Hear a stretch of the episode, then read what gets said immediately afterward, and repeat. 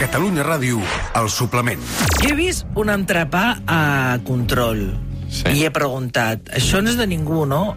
I havia fet una única mossegada quan m'ha dit la Sònia, no, no, no, no, no, que és del Roger. Dic, ai, però una mossegada. El suplement. Ràdio amb esperit de cap de setmana. Amb Roger Escapa. De fet, encara sí, te'l pots com- menjar. sí. Tres minuts passen de dos quarts d'onze del matí. Mira, avui encara no he esmorzat. Però això és la falca que em presenta a partir d'ara. Això és un separador, en diem a la ràdio. I això, i, i el separador aquest serà per sempre? No, per sempre no, és per avui. Per Però, un moment, és que ara el que has de fer és callar, sisplau. Perdó, eh? Vull dir, no és que... eh, Sí, perquè és que primer ha d'entrar això.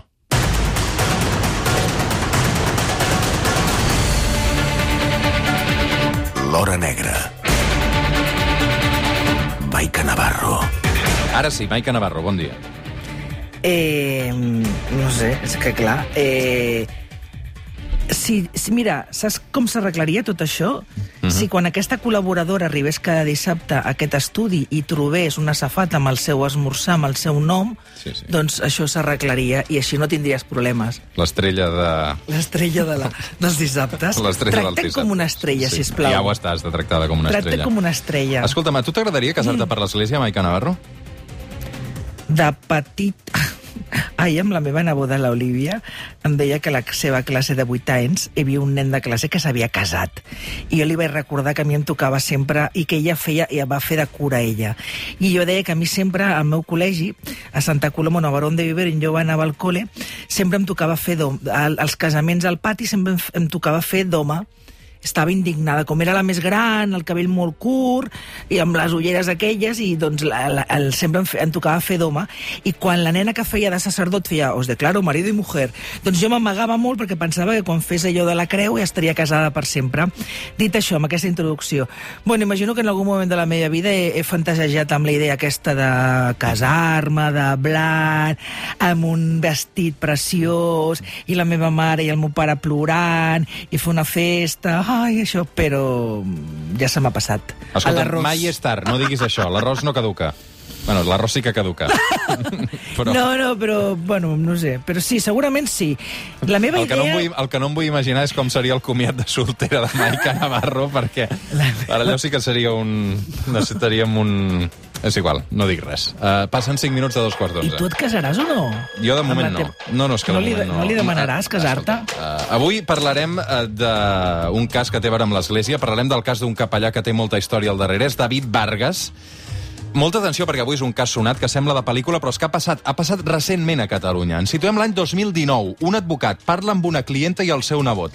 La clienta li explica que sospita d'un capellà que coneix des de fa un temps. Uh, Sí, i la, la dona en aquell moment tenia 91 anys.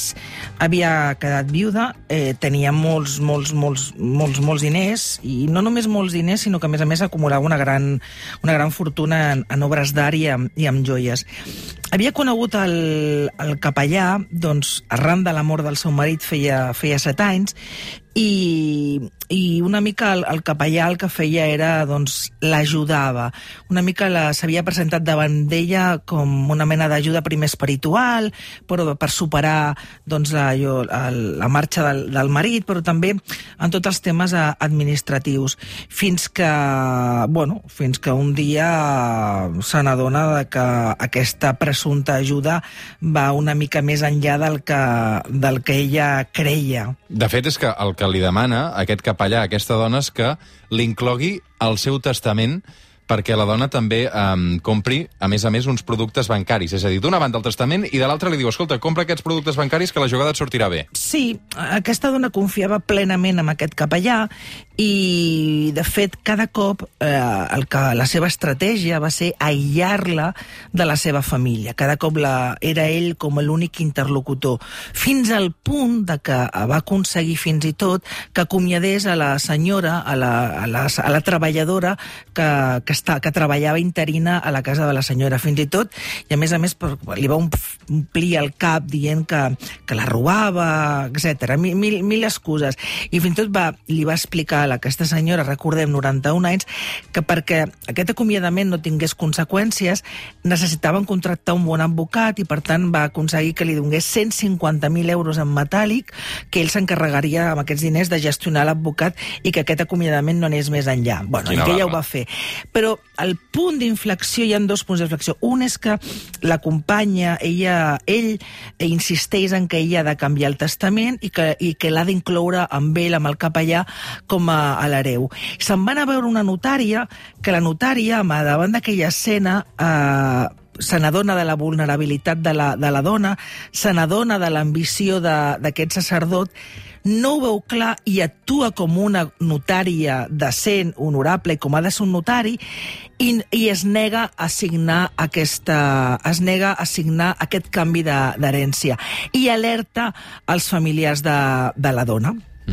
Qui és aquest personatge? Perquè, clar, és que qui és aquest capellà, que hem dit que es diu David Vargas, però en vull saber més, perquè la barra que té aquest senyor... La barra no, vull dir, és un... És...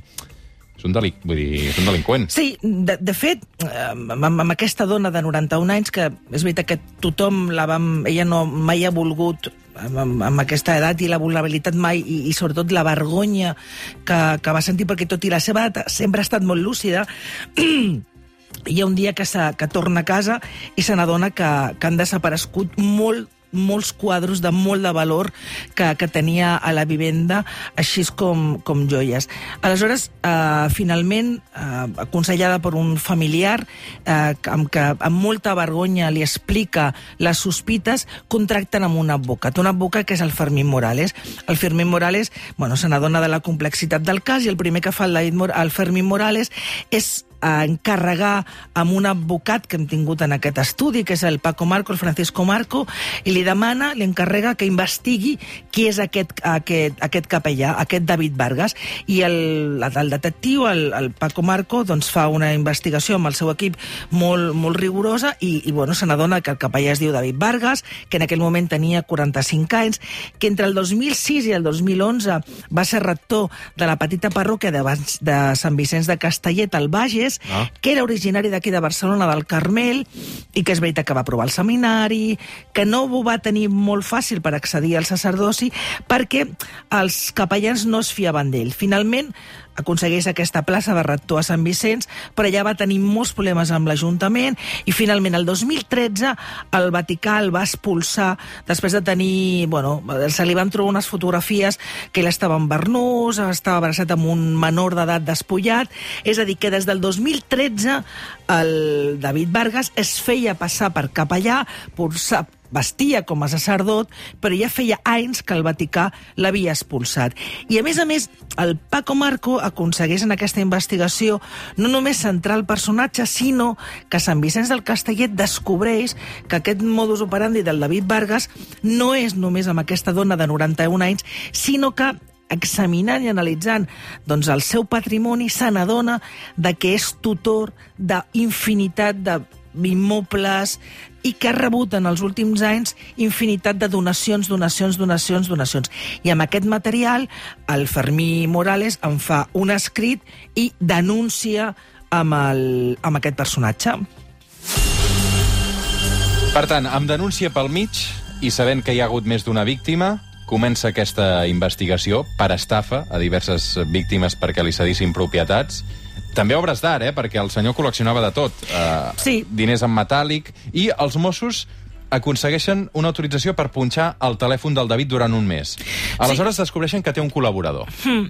Ell, ell com, com deies, eh, amb aquesta amb, amb aquesta seducció que feia cap a les víctimes, unes víctimes que l'escollia amb, amb, amb, amb treball de camp, sempre eren dones soles, eh, amb les que contactava amb centres, es- amb centres religiosos de Barcelona, en, en aquests espais de- d'exercicis espirituals, i sempre anava a buscar, sobretot les, més, més, les que estaven més vulnerables, que havien quedat viudes feia poc, que tenien poca família al voltant, les que havien més vulnerables. I a totes elles, doncs, bueno, amb aquestes artimanyes havia aconseguit doncs, això, no només la cessió voluntària, presumptament voluntària, dels seus béns, sinó que, a més a més, robava. robava. Aleshores, amb tot aquest material, eh, els Mossos el que demanen és, escolta, esperem, anem a investigar i anem a intentar eh, buscar eh, el- a l'abast de, de, de l'estafa i, sobretot, acabar de, de, buscar on guarda tot el, el botí en obres d'art i, en, i, amb, i amb diners. Aleshores, com dius, eh, tot això està ju- judicialitzat en un jutjat de Barcelona i els Mossos, la unitat d'investigació d'aquí al costat de la comissaria de, Sant, de mm, Sarrià Sant Gervasi, demanen una autorització judicial per intervenir les, inter eh, les comunicacions d'en David Vargas. I descobreixen que el David Vargas té una, bueno, té una comunicació molt, molt freqüent amb un altre, amb un altre sacerdot que, mm, que al final és un home, és un home gran que el que els Mossos acaben entenent que és una altra víctima. El tenia completament enganyat. El David, per aquest altre sacerdot, era una mena de, de, de fill. Era un fill que el que creia eh, sense cap mena de... de, de o sigui, de, de qüestionament, se'l creia, estava convençut. I l'enganyava de tal manera que el David eh, l'amenaçava amb excomulgar-lo si no treballava per ell. I fins i tot havia arribat a aconseguir que aquest pobre home li donés cada mes 300 euros que, segons el David, havien d'anar amb una família d'un guàrdia urbà de Barcelona que estava amenaçat per la màfia. Sembla estrany i la, la gent pot, pot creure que, que com és possible que un es pugui creure una cosa així. Bueno, doncs era una persona... Relació que, de dependència. De dependència, exacte. Per què li interessava al David Vargas aquest altre sacerdot més gran que ell? Perquè aquest capellà col·laborava amb l'arxiu de les Carmelites de Barcelona. Tenia les claus d'aquest arxiu i aleshores, amb aquestes claus, el David, que les havia aconseguit, eh, n'havia fet una còpia, durant molt i molt i molt temps va entrar en aquest arxiu i va treure cantorals, pergamins, bules papals, documentació històrica i tot allò que un pugui imaginar que hi havia en aquest arxiu d'un valor incalculable i que ell robava d'una manera descarada i que l'arxiu D'altra banda, doncs, recordar una mica eh, allò que va passar a la Catedral de Santiago, no se'n van adonar. Ens situem a principis del desembre del 2019. Els Mossos citen a comissaria el capellà que col·laborava amb en David Vargas. Apareix a la comissaria de les Corts acompanyat precisament d'en David. Per tant, arriba la parella. Sí, el David una mica ja mm, se sentia que, mm, que, mm, bueno, que la, aquella dona de 91 anys s'havia separat d'ella, s'havia separat d'ell, comen és un home intel·ligent, Comença a veure que l'han enganxat. a sospitar que tenia molt a prop als investigadors i que el seu muntatge tenia els dies comptats. Què fa? Ell el que fa és um, totes les obres les té en una de les cases, eh, que ja arribarem amb aquesta casa, però tot el diner metàl·lic que guardava el fica en unes maletes i li demana amb aquest capellà que, si plau eh, l'amagui amb un traster d'aquests que es lloguen per, per, per mensuals i que l'amagui allà i que les quedi amb les claus. Això fa quan el sacerdot, aquest capellà amic del Vargas li explica al David ostres, que els Mossos l'han cridat a anar a la comissaria de les Corts per anar, per anar a declarar. I aleshores diu, no, no, vés-hi i a més a més jo t'acompanyaré. La cara de sorpresa dels investigadors quan el, aquest capellà es presenta al costat del David és mm, infinita, però bueno, gestiona la situació, fan passar tots dos, i un moment que li diuen al David escolti'm, per què no marxa a fer un cafetó, que nosaltres ens quedem aquí amb el capellà, que hem de parlar d'unes coses. marxa el David, marxa a fer un cafè als, als voltants i es queden amb aquest altre sacerdot. Durant una estona, els Mossos expliquen al, amb aquest capellà, amic del David, col·labor, pres- víctima del David, qui era veritablement la, la real cara de l'home amb el que estava ajudant. Aquest collen, home el collen. es de, es, es, a, bueno, més que el collen, li expliquen qui és. I Es li desmunta, demostren... es desmunta. Es desmunta, es, es, es s'enfonsa i els hi explica. Doncs mireu, um, ma, aquesta és la clau del traster on, on, havia, on havia deixat els, els, unes maletes que ell em va dir que eren llibres i que jo havia amagat en aquest traster. Mentre aquesta història, mentre aquesta escena estava passant a la comissaria, el David truca amb una de les víctimes que té una altra dona gran i li demana que vagi corrents a un traster que li donarà l'adreça que li dona el seu DNI i tota la documentació perquè la deixin passar perquè comprovi si encara hi ha uh, un, un, unes maletes que ell ha deixat. Aquesta dona no aconsegueix entrar, ell va cap al traster, se n'adona que en el traster ja no estan les maletes perquè els Mossos han pogut arribar abans i se les han endut i el que fa és, doncs se'n va, pensa que tot el seu muntatge Que l'han descobert. ha descobert i se'n va a la ronda de dalt i es llança, es llança per intentar suïcidar-se. Però no ho aconsegueix. No, es llença d'un pont i queda malferit i, de fet, eh, durant uns parell de dies la seva situació és crítica a la UCI, però a cap d'un parell de setmanes, quan ja es troba amb, amb un estat de poder els Mossos llegir-li els seus drets, doncs queda, queda detingut. Molt bé. Uh, aleshores, tenim um, aquest cas que es comença a resoldre i es comença a enganxar el David Vargas. Aleshores, què fan els Mossos? Perquè um, ha acabat detingut, eh, hi ha hagut un procediment judicial pel, pel mig uh, i, i ha acabat complint plena, pena de presó. No, o sigui, no, queda detingut per, aquest, per aquests fets. Ara mateix ell està, està en llibertat, amb, va aconseguir quedar en llibertat. Està pendent d'aquest judici i durant, després de la seva detenció, doncs, el que van fer Mossos i és enfrontar-se bueno, o, o interrogar o, o estar amb com a mínim sis dones grans que són les que van localitzar com a, com a víctimes, tot i que Mossos sospita que el número de víctimes eh, és molt més gran. Van trobar amb una masia al seu nom una, una quantitat i, brutal d'obres d'art i sobretot de, de peces d'art religiós que ell havia ama- amagatzemat, perquè a més a més ell estava durant aquest temps, el que feia era revendre tot, aquestes, tot, tot, tot aquest material. I a més a més, en moltes ocasions també estafava els compradors amb un preu superior, perquè a més a més intentava sempre vendre doncs, imatges religioses, eh, documentació religiosa, doncs a esglésies, a convents, a ordres religioses expliquen que tenien un gran valor per ells, però sempre amb un, preus, amb un preu molt, molt superior. Hi ha una escena de Mossos amb la dona, amb aquesta primera víctima, que amb l'ajuda del, del seu advocat, el Fermín Morales, el denuncien, que és quan ella, els Mossos van a veure, ella va a la comissaria per intentar reconèixer part de les joies que havia, que, havia,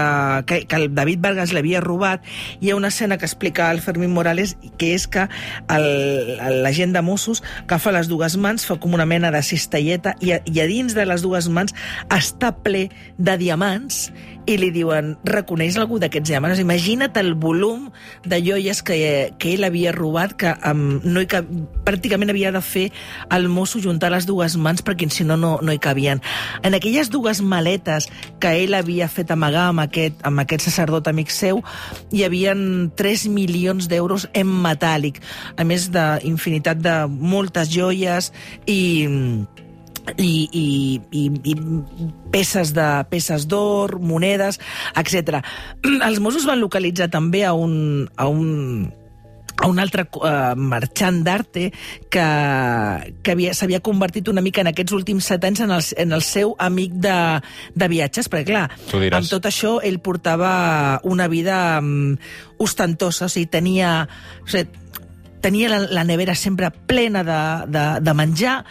Amb aquest home se'n van fer... Amb aquest amb el que sí que li va reconèixer que havia estat sacerdot, però li explicava que tenia uns conflictes econòmics per unes herències d'una àvia, d'una tieta seva, i que no tenia gaires diners. I, per tant, totes les juergues, els viatges i tot, el subvencionava aquest home eh, eh, que durant uns anys eh, va ser l'únic amic que, que es coneix de, del Vargas. Era un, un home, bueno, és un home que est, també va, es va implicar molt en política i en els anys que va estar de, de sacerdot de, de, de, de, de, de, ostres, la localitat en la que va estar, de Castellet del Valle, de Sant Vicenç de Castellet, perdó, eh, fins i tot es va entrevistar amb el Josep Anglada. Te'n recordes del Josep Anglada, Personatge polític de l'extrema de dreta? l'extrema dreta, total. A Vic, no? Molt vinculat a Vic, sí, sí. Que va muntar aquest Plataforma per Catalunya. Doncs bé, algú li va explicar al Josep Anglada les eleccions municipals del 2000, quan estava preparant candidatures per diferents municipis, que a Sant Vicenç de Castellet s'havia d'entrevistar amb, el, amb el sacerdot del poble. I llavors va anar a dinar amb el David Vargas i li va reconèixer que, que ell tenia, compartia les mateixes eh, idees polítiques que, Carai, que, que Anglada i el va ajudar a fer la llista electoral de Sant Vicenç de, Castell, de Castellet fins al punt, i de fet a les seves intervencions a missa, a l'església, hi havia una gran connotació política en moltes de les seves oracions i va aconseguir que en aquelles eleccions Anglada tingués un 10% de gairebé 300 vots per ser la primera vegada que es presentava i va aconseguir un, un regidor. Doncs déu nhi Avui la història del David Vargas, el capellà que ha estafat sis dones eh, grans eh, que va acabar la presó, dius que ara està en llibertat. Eh, Sí. Una història que no s'acaba aquí perquè aquestes últimes setmanes hem conegut algunes novetats, com per exemple que a finals de, de gener David Vargas va anar a judici acusat d'oficiar un casament que mai no va existir i això crec que ho va fer, Maica, ràpidament, eh, per cobrar una herència, no? Sí, eh, el que va fer, i és el judici d'aquest el que va, es va presentar, eh, és... Mm, ell el que fa és... Hi ha una dona que és la Leonor que el que havia estat el company de la seva vida, el Marcos, es, es, es mora i el Marcos té uns nebots com a únics hereus, la Leonor està, es queda sense res i amb, amb l'ajuda, amb la complicitat de la filla de la Leonor, doncs aconsegueixen que el David Vargas falsifiqui una, una data, una, una fitxa de casament, un, un document de, com que, com que s'ha oficiat el casament anterior a la mort del Marcos per que la Leonor fos l'única heredera i cobrar. I aleshores això, els nebots ho van denunciar, es va es va descobrir i el Vargas el que va dir, una mica que intentava explicar, és que el casament havia sigut molt, molt, molt, molt íntim, que ho havia oficiat ell, que només havien estat la Leonor i el Marcos i la filla de la Leonor, però al final es va saber que tot allò era mentida i que mai van estar junts, tot i que la Leonor segurament mereixia una, una paga o el que fos, però vaja, no, que havia falsificat amb l'única idea d'ell portar-se un pastís de l'herència. Avui amb la Maica Navarro la història d'aquest capellà estafador que sota la sotana hi amagava obres d'art. Uh, sis minuts Sí. per arribar a les 11 del matí. Maica Navarro, fa una setmana era dissabte Sí, i uh, vam anar, uh, un equip molt, molt reduït del suplement, a la manifestació uh, per la llibertat d'expressió i contra l'empresonament de, de Pablo Hasél. Uh -huh. Allà hi vam fer un reportatge uh, una crònica d'aquella nit eh, a peu de carrer entrevistant algunes de les veus que, que es manifesten eh, i realment és un retrat que es pot recuperar al web de Catalunya Ràdio, catradio.cat eh, barra el suplement, el trobareu. Avui hi ha una altra ma manifestació convocada a partir de les 6 de la tarda. Avui tornarem a aquesta manifestació, però ho farem des d'una perspectiva diferent de la setmana passada. Ho farem des de dins, amb un micròfon i una càmera, amb un micròfon i una càmera, des de dins d'una furgoneta de la Brimo, de la brigada mòbil, amb un servidor, amb un micròfon i sis antiavalots. molt bé. M'han citat a les 5 de la tarda, Uh -huh. la manifestació comença a les 6, m'han citat en un punt indeterminat de la ciutat de Barcelona, a les 5, pugem dins de la furgoneta de la brigada mòbil, Uh -huh. anem cap al centre de la ciutat on hi ha aquesta manifestació, ho viurem des de dins, aleshores, clar, Comença no sé, a prendre... quantes, no sé quantes hores el estaré duri- tancat allà. O tancat, Jo demà tinc entrant, programa, surt- espero que em deixin entrant, venir. Entrant, sortint, baixant, pujant...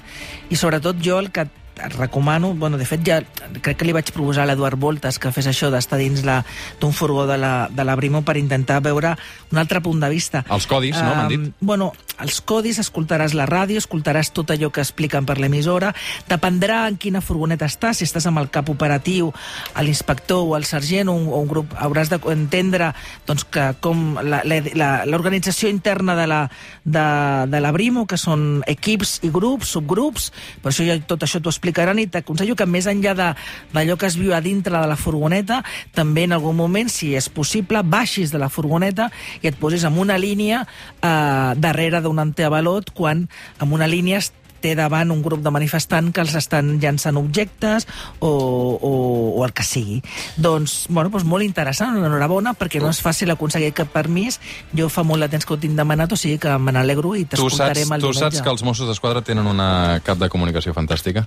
Sí, té una, cap de, una molt bona cap de comunicació eh, que es diu Patricia Plaja i que va créixer a la ràdio, o sigui que segurament molt això de que ella ella donar... ser generosa amb la gent de la ràdio i ser generosa amb, amb els periodistes jo crec que és una de les seves màximes i sobretot una de les seves màximes és obrir portes i obrir finestres i ser transparent amb la política comunicativa de Mossos, que jo crec que això és un mèrit de tots d'ella, del major i de tots els comandaments. Perquè una cosa és que la Patricia ho proposi, que el major ho accepti, però després els responsables de la Brimo ho han d'acceptar i que ho hagin acceptat també està molt bé. Maica Navarro, moltes gràcies. Uh, que tu passis molt bé. Adéu. Fem una petita pausa, arribem a les notícies de les 11 i de seguida el comunista, amb el Joel Díaz, també posant ordre aquest matí de dissabte. Fins ara. El suplement, amb Roger Escapa.